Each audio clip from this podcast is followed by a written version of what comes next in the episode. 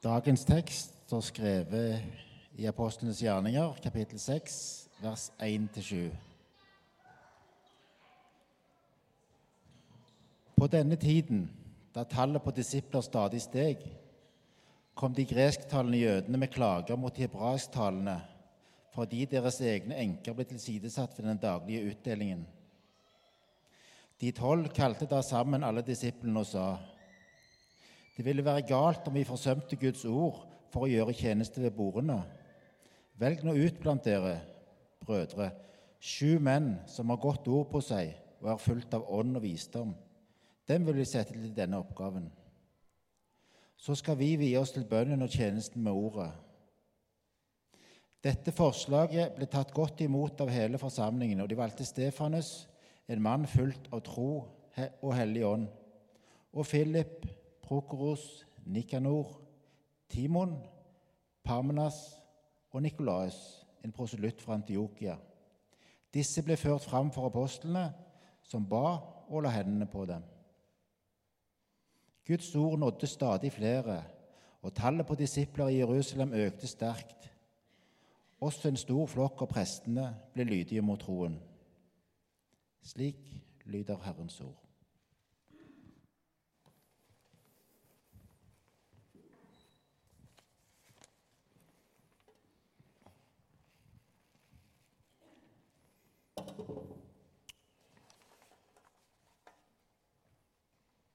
Hei igjen. Jeg heter altså Sverre, og jeg er eh, Oslo-gutt. Kan ikke noe for det. Født i en bakgård i Oslo. Og ble Vålerenga-supporter tidlig i livet. Kan ikke noe for det heller. Bislett var jo rett ved siden av. Og ikke nok med det, men eh, jeg ble Liverpool-supporter òg. Er det noen Liverpool-fans her? Ingen? Ja, det er, ja, ja, ja, ja, ja, bra gutter. Og så er det noen som ikke liker meg allerede, da, selvfølgelig. Men uh, her står det på armen min Dette var litt dramatisk for meg å gjøre som gammel pastor og skal gå foran som et godt eksempel for ungdommen her i livet og sånn. Og så trykke på seg noe sånt nå. Men uh, jeg hadde så lyst til å være litt gæren. Og så hadde kona mi etter mange år faktisk sagt liksom at ja, de der bokstavene du får, du får, ta de, da. Det er greit. Ok. Jeg hadde liksom ikke gjort det på hensyn til henne. Så en dag etter jobb i Misjonsalliansen så tusla jeg oppover Pilestredet, og der var et tattoo-studio, og jeg kikka inn og Og ja, vi kan ta det nå, vi, sa de. Oi, så den ettermiddagen kom jeg igjen med den stripa der, og det var litt større enn det kona syntes var ålreit. You never walk alone, står det der.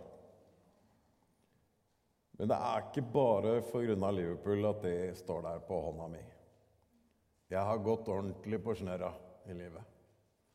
Jeg har bomma ordentlig. Jeg har såra mennesker rundt meg. Jeg har vært så langt nede som du nesten kan komme. Og når jeg oppdaga det som står der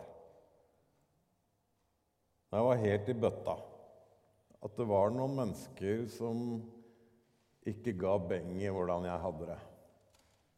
Det var noen mennesker som eh, ikke løp når de så hvor ille jeg var egentlig.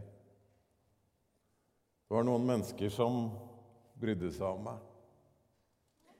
Så oppdaga jeg til min forferdelse at det var noen mennesker rundt meg jeg hadde såra med å skade meg selv. Det var vondt, altså. Barna mine, blant annet. Og så var det denne her setningen om at jeg aldri går aleine, selv om det var veldig mørkt den veien da. Så er det det håpet om at jeg har en far i himmelen, en Gud som ser meg som veit hvem jeg er. En som en dag skal gjøre alle ting nye. Som en dag skal skape en ny himmel og en ny jord. Hvor alle, den, alle de som opplevde urettferdighet i denne verden, skal få drikke og mettes. Alle de som opplevde Å bo i slummen uten mat om kvelden og mat om morgenene, som ikke fikk det de trengte. Alle de skal trøstes og mettes og aldri mer kjenne den på sorgen og savnet. Alle de som i dette livet kjente seg helt ensomme og ikke elsket av noen. De skal få sitte på Jesu eget fang og kjenne en kjærlighet de aldri har kjent før. Hvor alt som gikk i stykker her, skal gjenopprettes. Det er min drøm. Det er mitt håp. Det er min tro. Og Jeg har en pappa som var syk hele livet. Han led av psykisk sykdom hele livet. Og min drøm, det er å se pappaen min frisk som en fisk danse gjennom en blomstereng med blomsterkrans rundt hodet. Det er et sånt bilde jeg har. Fri, frisk og glad. Det bildet får meg til å nesten gråte nå. Dette er en diakonisøndag, og den teksten dere hørte nå, det er når Kirken begynte å velge seg diakoner. Jeg er utdanna diakon da i bånn. Og Man får ikke automatisk diakonhjerte av å være utdanna diakon, men det er mange som har det uten å være det. Men det er altså en funksjon som begynte allerede i oldkirken, allerede helt fra starten, hvor ordets tjeneste og denne handlingens tjeneste, den som hjelper mennesker i nød og tjener kirkens folk, ble innsatt. Og Hans Stefanus, som ble leder, hvis du leser litt videre fra da vi leste, så er det første de gjør, eh, fariseerne og de skriftlærde, er å fordømme han for hån mot Guds ord. Og han svarer, og det står at hans ansikt skinner som en engel mens han svarer.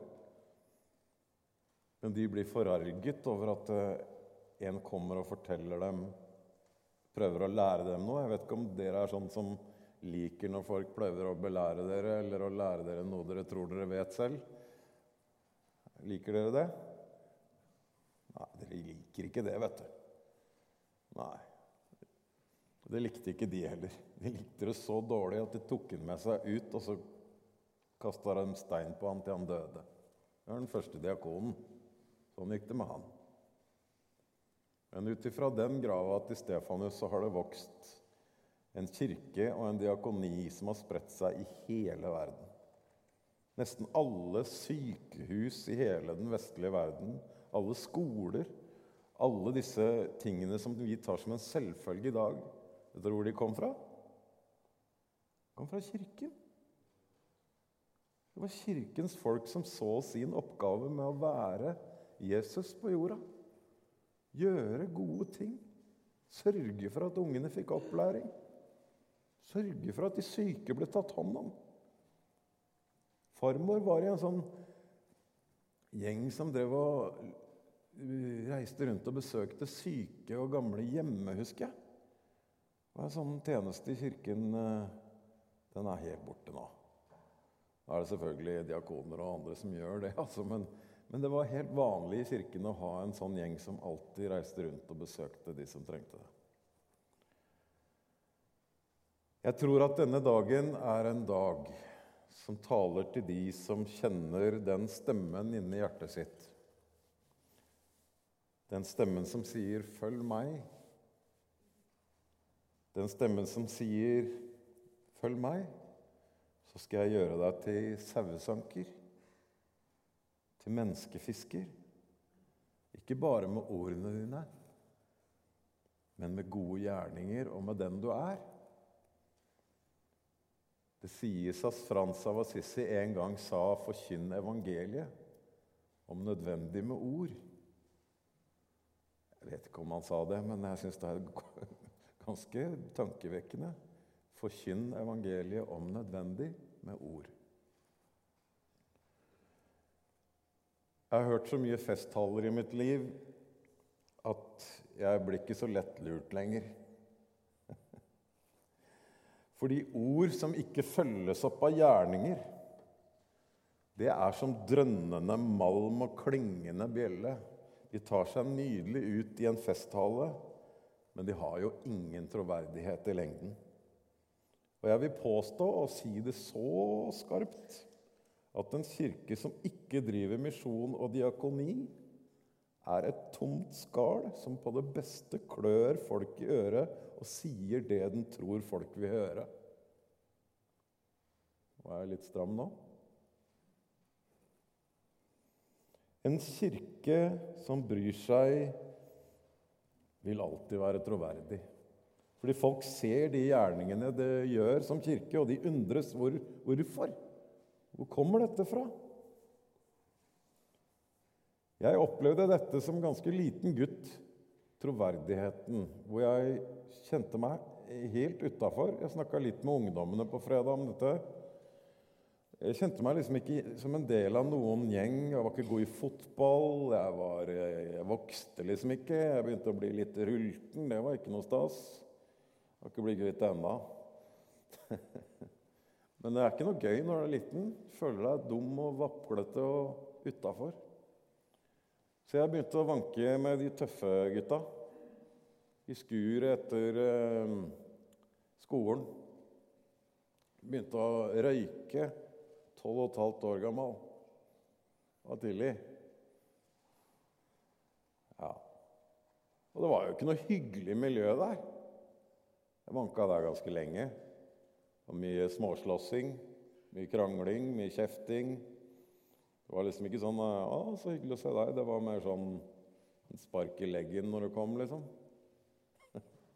Skulle være tøffe, vet du. Så fikk altså noen Jeg vet ikke hvem det var, om det var foreldrene mine, hvem det var, fikk i hvert fall lurt meg inn i en kjerke på en ungdomsklubb. Og så var det så hyggelig der. Altså, det, var så, det var så hyggelig å være der. Folk var så trivelige, rett og slett. Kan ikke forklare det annerledes. Så jeg, jeg tok sjansen og gikk en gang til. Og, da, og når jeg kom den andre gangen, liksom, så sier de nei, men dæsken, så hyggelig å se deg igjen, da. Og så var det noen som klappa meg på skulderen liksom. Hallo! Vet du hva, mer skulle det ikke til. Altså, jeg ble varm i hele hjertet mitt jeg, av det, av de ordene der. Og han som klappa meg på skulderen og sa 'så hyggelig å se deg igjen'. Vet du, Det var nok. Og Jeg har drevet ungdomsklubb en del år av livet mitt. og Jeg har drevet med konfirmanter i 20 år. Og På ungdomsklubben så er jeg jo så dårlig på det, men altså jeg tvang meg sjøl til å pugge navnet på hver eneste unge som kom inn den døra. Sånn at neste gang det barnet kom inn, så skulle jeg kunne si 'Hallo, Jørgen'. 'Hei, Kristine'. Er dere enig i at det er godt å bli gjenkjent, anerkjent? Noen sier navnet mitt. Noen har sett meg. En hyrde eller en gjeter har noen spesielle egenskaper. Først og fremst så er det sånn at gjeteren kjenner sauene sine. På samme måte så har et diakonhjerte en spesielt spesielle egenskaper. Et diakonhjerte elsker. Et uh, tør å elske og tør å gjøre godt for de menneskene de møter på sin vei. Og de vakreste menneskene jeg kjenner, det er de som har et tjenersinn. De som er, har en sånn ydmykhet. Har dere møtt de? De som noen ganger setter andre foran seg selv og sine egne behov. De som er villige til å gå sammen med de som er lei seg, selv om de helst skulle ha sett på Skal vi danse og Kåss til kvelds. Så tok de en telefon til en de visste som Så de trengte det akkurat i kveld. da. Det var litt kjipt, altså, for jeg hadde jo gleda meg til Skal vi danse hele uka. Man kan jo se det i opptak nå. De som orker å komme ut av sin egen lille kokongverden for de som sliter. De som våger å være forbilder. De som hermer etter det Jesus ville ha gjort i møte med andre mennesker. Det står at leiekaren stikker av når ulven kommer, men den som elsker, stikker ikke av. Jesu ord når han forlater disiplene sine, vil røre meg. Det er akkurat som, er som han ber en bønn til Gud. Det er akkurat som en mamma som skal forlate barna sine. liksom. Og, og, og altså Marlene, som er med meg nå, ikke sant? hun er jo mamma for en ettåring. Og nå dro hun vekk i tre døgn fra ungen sin, og det, hun kjenner det river litt i hjertet sitt. ikke sant? Prøver å slutte å amme samtidig og sånn. Du vet åssen det er. Hun skal nå hjem igjen og se ungene sine, eller ungen sin. Men det var som om Jesus måtte liksom forlate dem nå, altså for liksom godt fysisk. da. Og hvem skulle da ha omsorg for dem mens han var borte? Hvem skulle ha omsorg mens ulven herjer? En gang så, så Jesus på en menneskemengde, og så begynte han å gråte. For han sa at de var som, en, de var som får uten hyrde. Jeg må innrømme at av og til blir jeg fylt av sorg når jeg ser rundt meg i samfunnet vårt. Det er så mange som ville rundt uten retning. De er som får uten hyrde.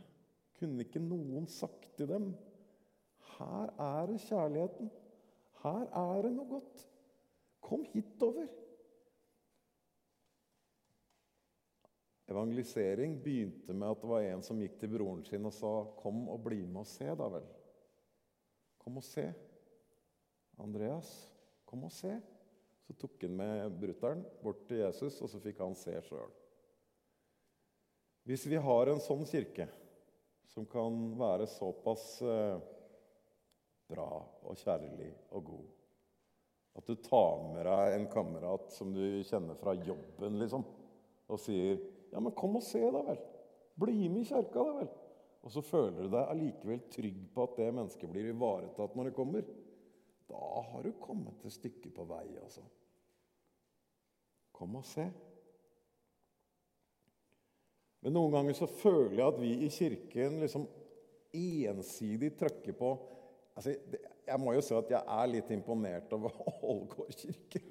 Så jeg kan ikke si at det, dette stemmer helt for dere. For jeg har vært på ungdomsklubb med 370 ungdommer på fredag, og jeg har vært på klubben etterpå det med 100 stykker til, og så har vi vært på stasjonsklubben i går, hvor det var en herlig gjeng som sitter her. Kjempehyggelig. Men noen kirker er sånn at de legger så utrolig vekt på at oppdraget vårt er å gi ordet, altså snakke. Men er det ikke sånn at mennesker er av kjøtt og blod, da? Er det ikke sånn at behovene våre er litt mer enn å bare høre på ting? Eh, jeg må innrømme at jeg trengte litt å skifte jobb fra å være pastor til å komme i misjonsavgjørelsen for å se det her litt bedre. Vi har en kar i Sør-Amerika, en kjempefantastisk medarbeider. En som flytta til slummen fra sitt, sin villaen sin fordi han hadde så hjerte for de fattige han jobba med. En som heter Bebeto. Han er altså en så klok mann. Vi har invitert han til Norge, og sånn, og han talte med statsminister Erna Solberg til stede på konferansen vår. og Helt utrolig fyr å høre på. Han røsker i hjertet ditt, det skal jeg love deg. Bebeto har nå levd i en pandemi hvor eh, menneskene dør jo som fluer i slummen der, ikke sant?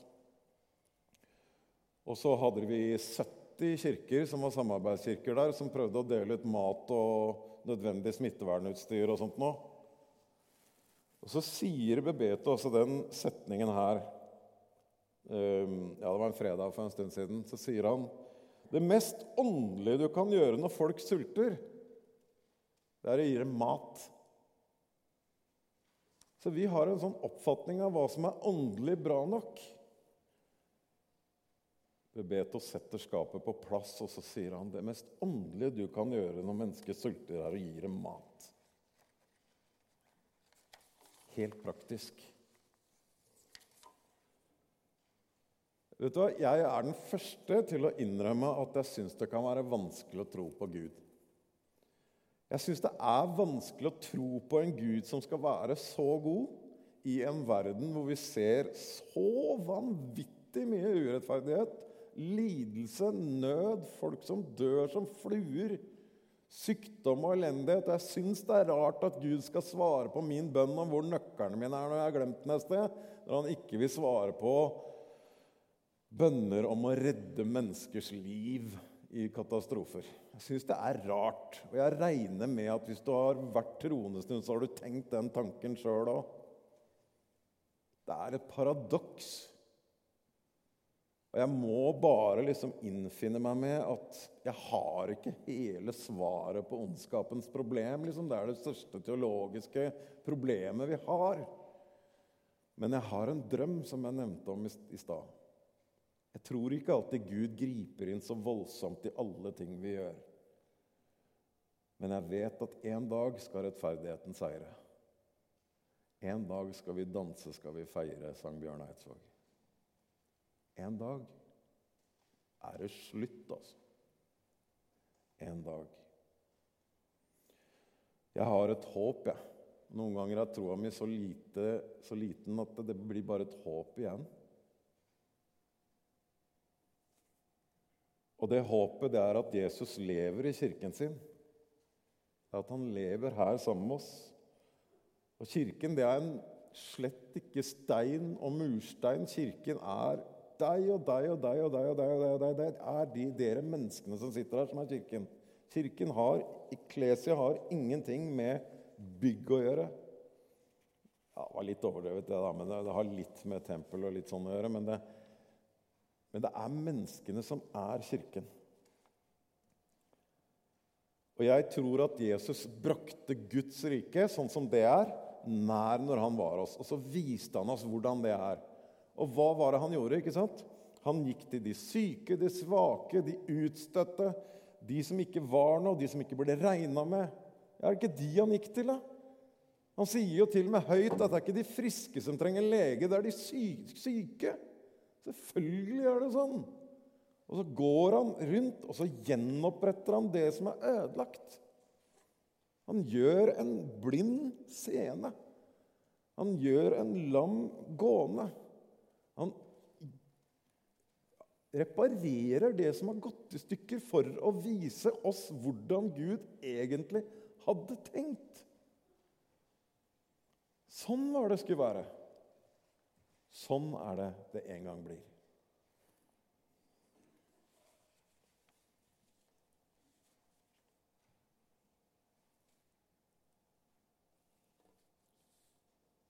Jeg syns noen ganger det er en trøst rett og slett med litt sånn konkrete ting for å tro også. jeg. Altså At jeg ikke bare er sånn åndelig troende, liksom, men at jeg liksom faktisk syns at det er noe logikk i dette vi tror på jeg, jeg liker fakta, altså. Jeg liker bevis. Jeg liker, jeg liker programmer som røsker vekk sånn her ljug og fanteri. Og jeg liker Altså, jeg liker, jeg liker facts. Og så syns jeg det er ganske kult å tenke på at når jeg tror lite liksom at Peter, som da har vært det samme med Jesus hele tiden Han, etter at Jesus er død, da så fortsetter han jo. Hvis han hadde visst at Jesus var død, hvis de hadde rappa kroppen hans for å liksom holde myten ved like, visste de jo at de bare drev med humbug og fanteri. Jesus, altså Peter lar seg til og med korsfeste opp ned som en martyr for det han trodde på. Hvis romerne hadde rappa kroppen til Jesus den gangen da, og sagt for å liksom holde den unna disse fanatikerne Og når det fortsatte jo, det ble jo flere og flere kristne De kunne jo bare vist frem at der er kroppen, han er død. Ingen romere som viste frem den kroppen. Det var jo vitner av en masse. Det fins ikke noe som er mer hånd... Unnskyld håndfast fra den tiden enn Det nye testamentet. Det fins ingen skrifter fra de historiske tingene som er like accurate eller like troverdige, som er forska like mye på. Ingen.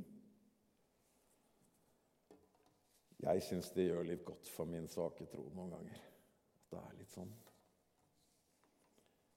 Eh, jeg nærmer meg slutten nå. Jeg blir litt inspirert noen ganger. og jeg det litt langt. Men nå jeg, jeg lover. Om det,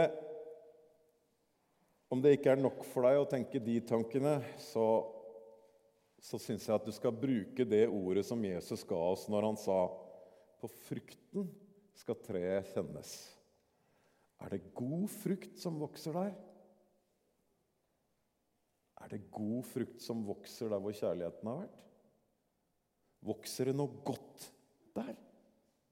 Kan du se at mennesker spirer, gror, vokser, utfolder seg? Legger du igjen, legger du igjen glede eller omsorg eller trøst der du har vært? Er det, er det sånne blomster i fotsporene i livet ditt? Og hvis du ser frukten av kjærlighetens gjerninger, så syns jeg det er bevis nok for å bruke livet sitt på akkurat det. Og hvis du skal bruke resten av livet ditt på en ting, så kan du bedrive kjærlighet resten av livet, og du kommer aldri til å bli arbeidsledig. Jeg lover deg. Jeg lover deg, Wallars bak hæbe, som de sier i Oslo. Det er altså alt fra kassadama på Kiwi og Spar når du sier 'ja, men ha en god dag', da. Det er et lite spor.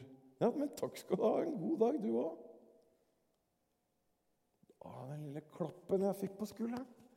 Fy filler'n, så viktig han var. Hvis du lurer på om du kan bidra med noe, så gå hjem og les Galaterbrevet 5. Og så kan du lese om åndens frukter, eller kjærlighetens frukter, om du vil. Og så vær ærlig, og så se om de tingene fins i livet ditt. Der står det nemlig at det er kjærlighet, glede, fred Fred, er ikke det et fint ord? Fred. Få fred i sinnet sitt. Overbærenhet og orke tåle mennesker. Vennlighet, barmhjertighet, trofasthet, ydmykhet og selvbeherskelse. Noen av oss trenger litt av det. Hver eneste morgen når du står opp og skal gå ut av senga di, så kan du velge å leve et liv med disse fruktene. Du kan velge å bruke de. Vokser det bugnende trær etter deg? Jeg vil si det så sterkt at kampen for Guds rike har begynt for lenge siden. Og det går ikke an å sitte og være likegyldig til den kampen. Det er for mye urettferdighet i verden. Det er for mye nød. Det er for mange som har det vondt. Det går ikke an å drite i det eller å lukke igjen ørene, øynene eller alt du har. Det går ikke an. Du har ikke lov. Vær gjerne kald eller vær varm, men for Guds skyld ikke sitt og se på. Bebeto har en sterk røst. Han sier at Brasil og verden trenger profetisk diakoni, sier han. Det var et nytt ord for meg den gangen. Og jeg tror han har rett. Den profetiske diakonien sier fra om uretten og gjør noe med den. Velkommen, alle sammen, til kampen for en ny vekkelse i Kristen-Norge, her vest i verden. Og Den heter Den profetiske diakonis vekkelse.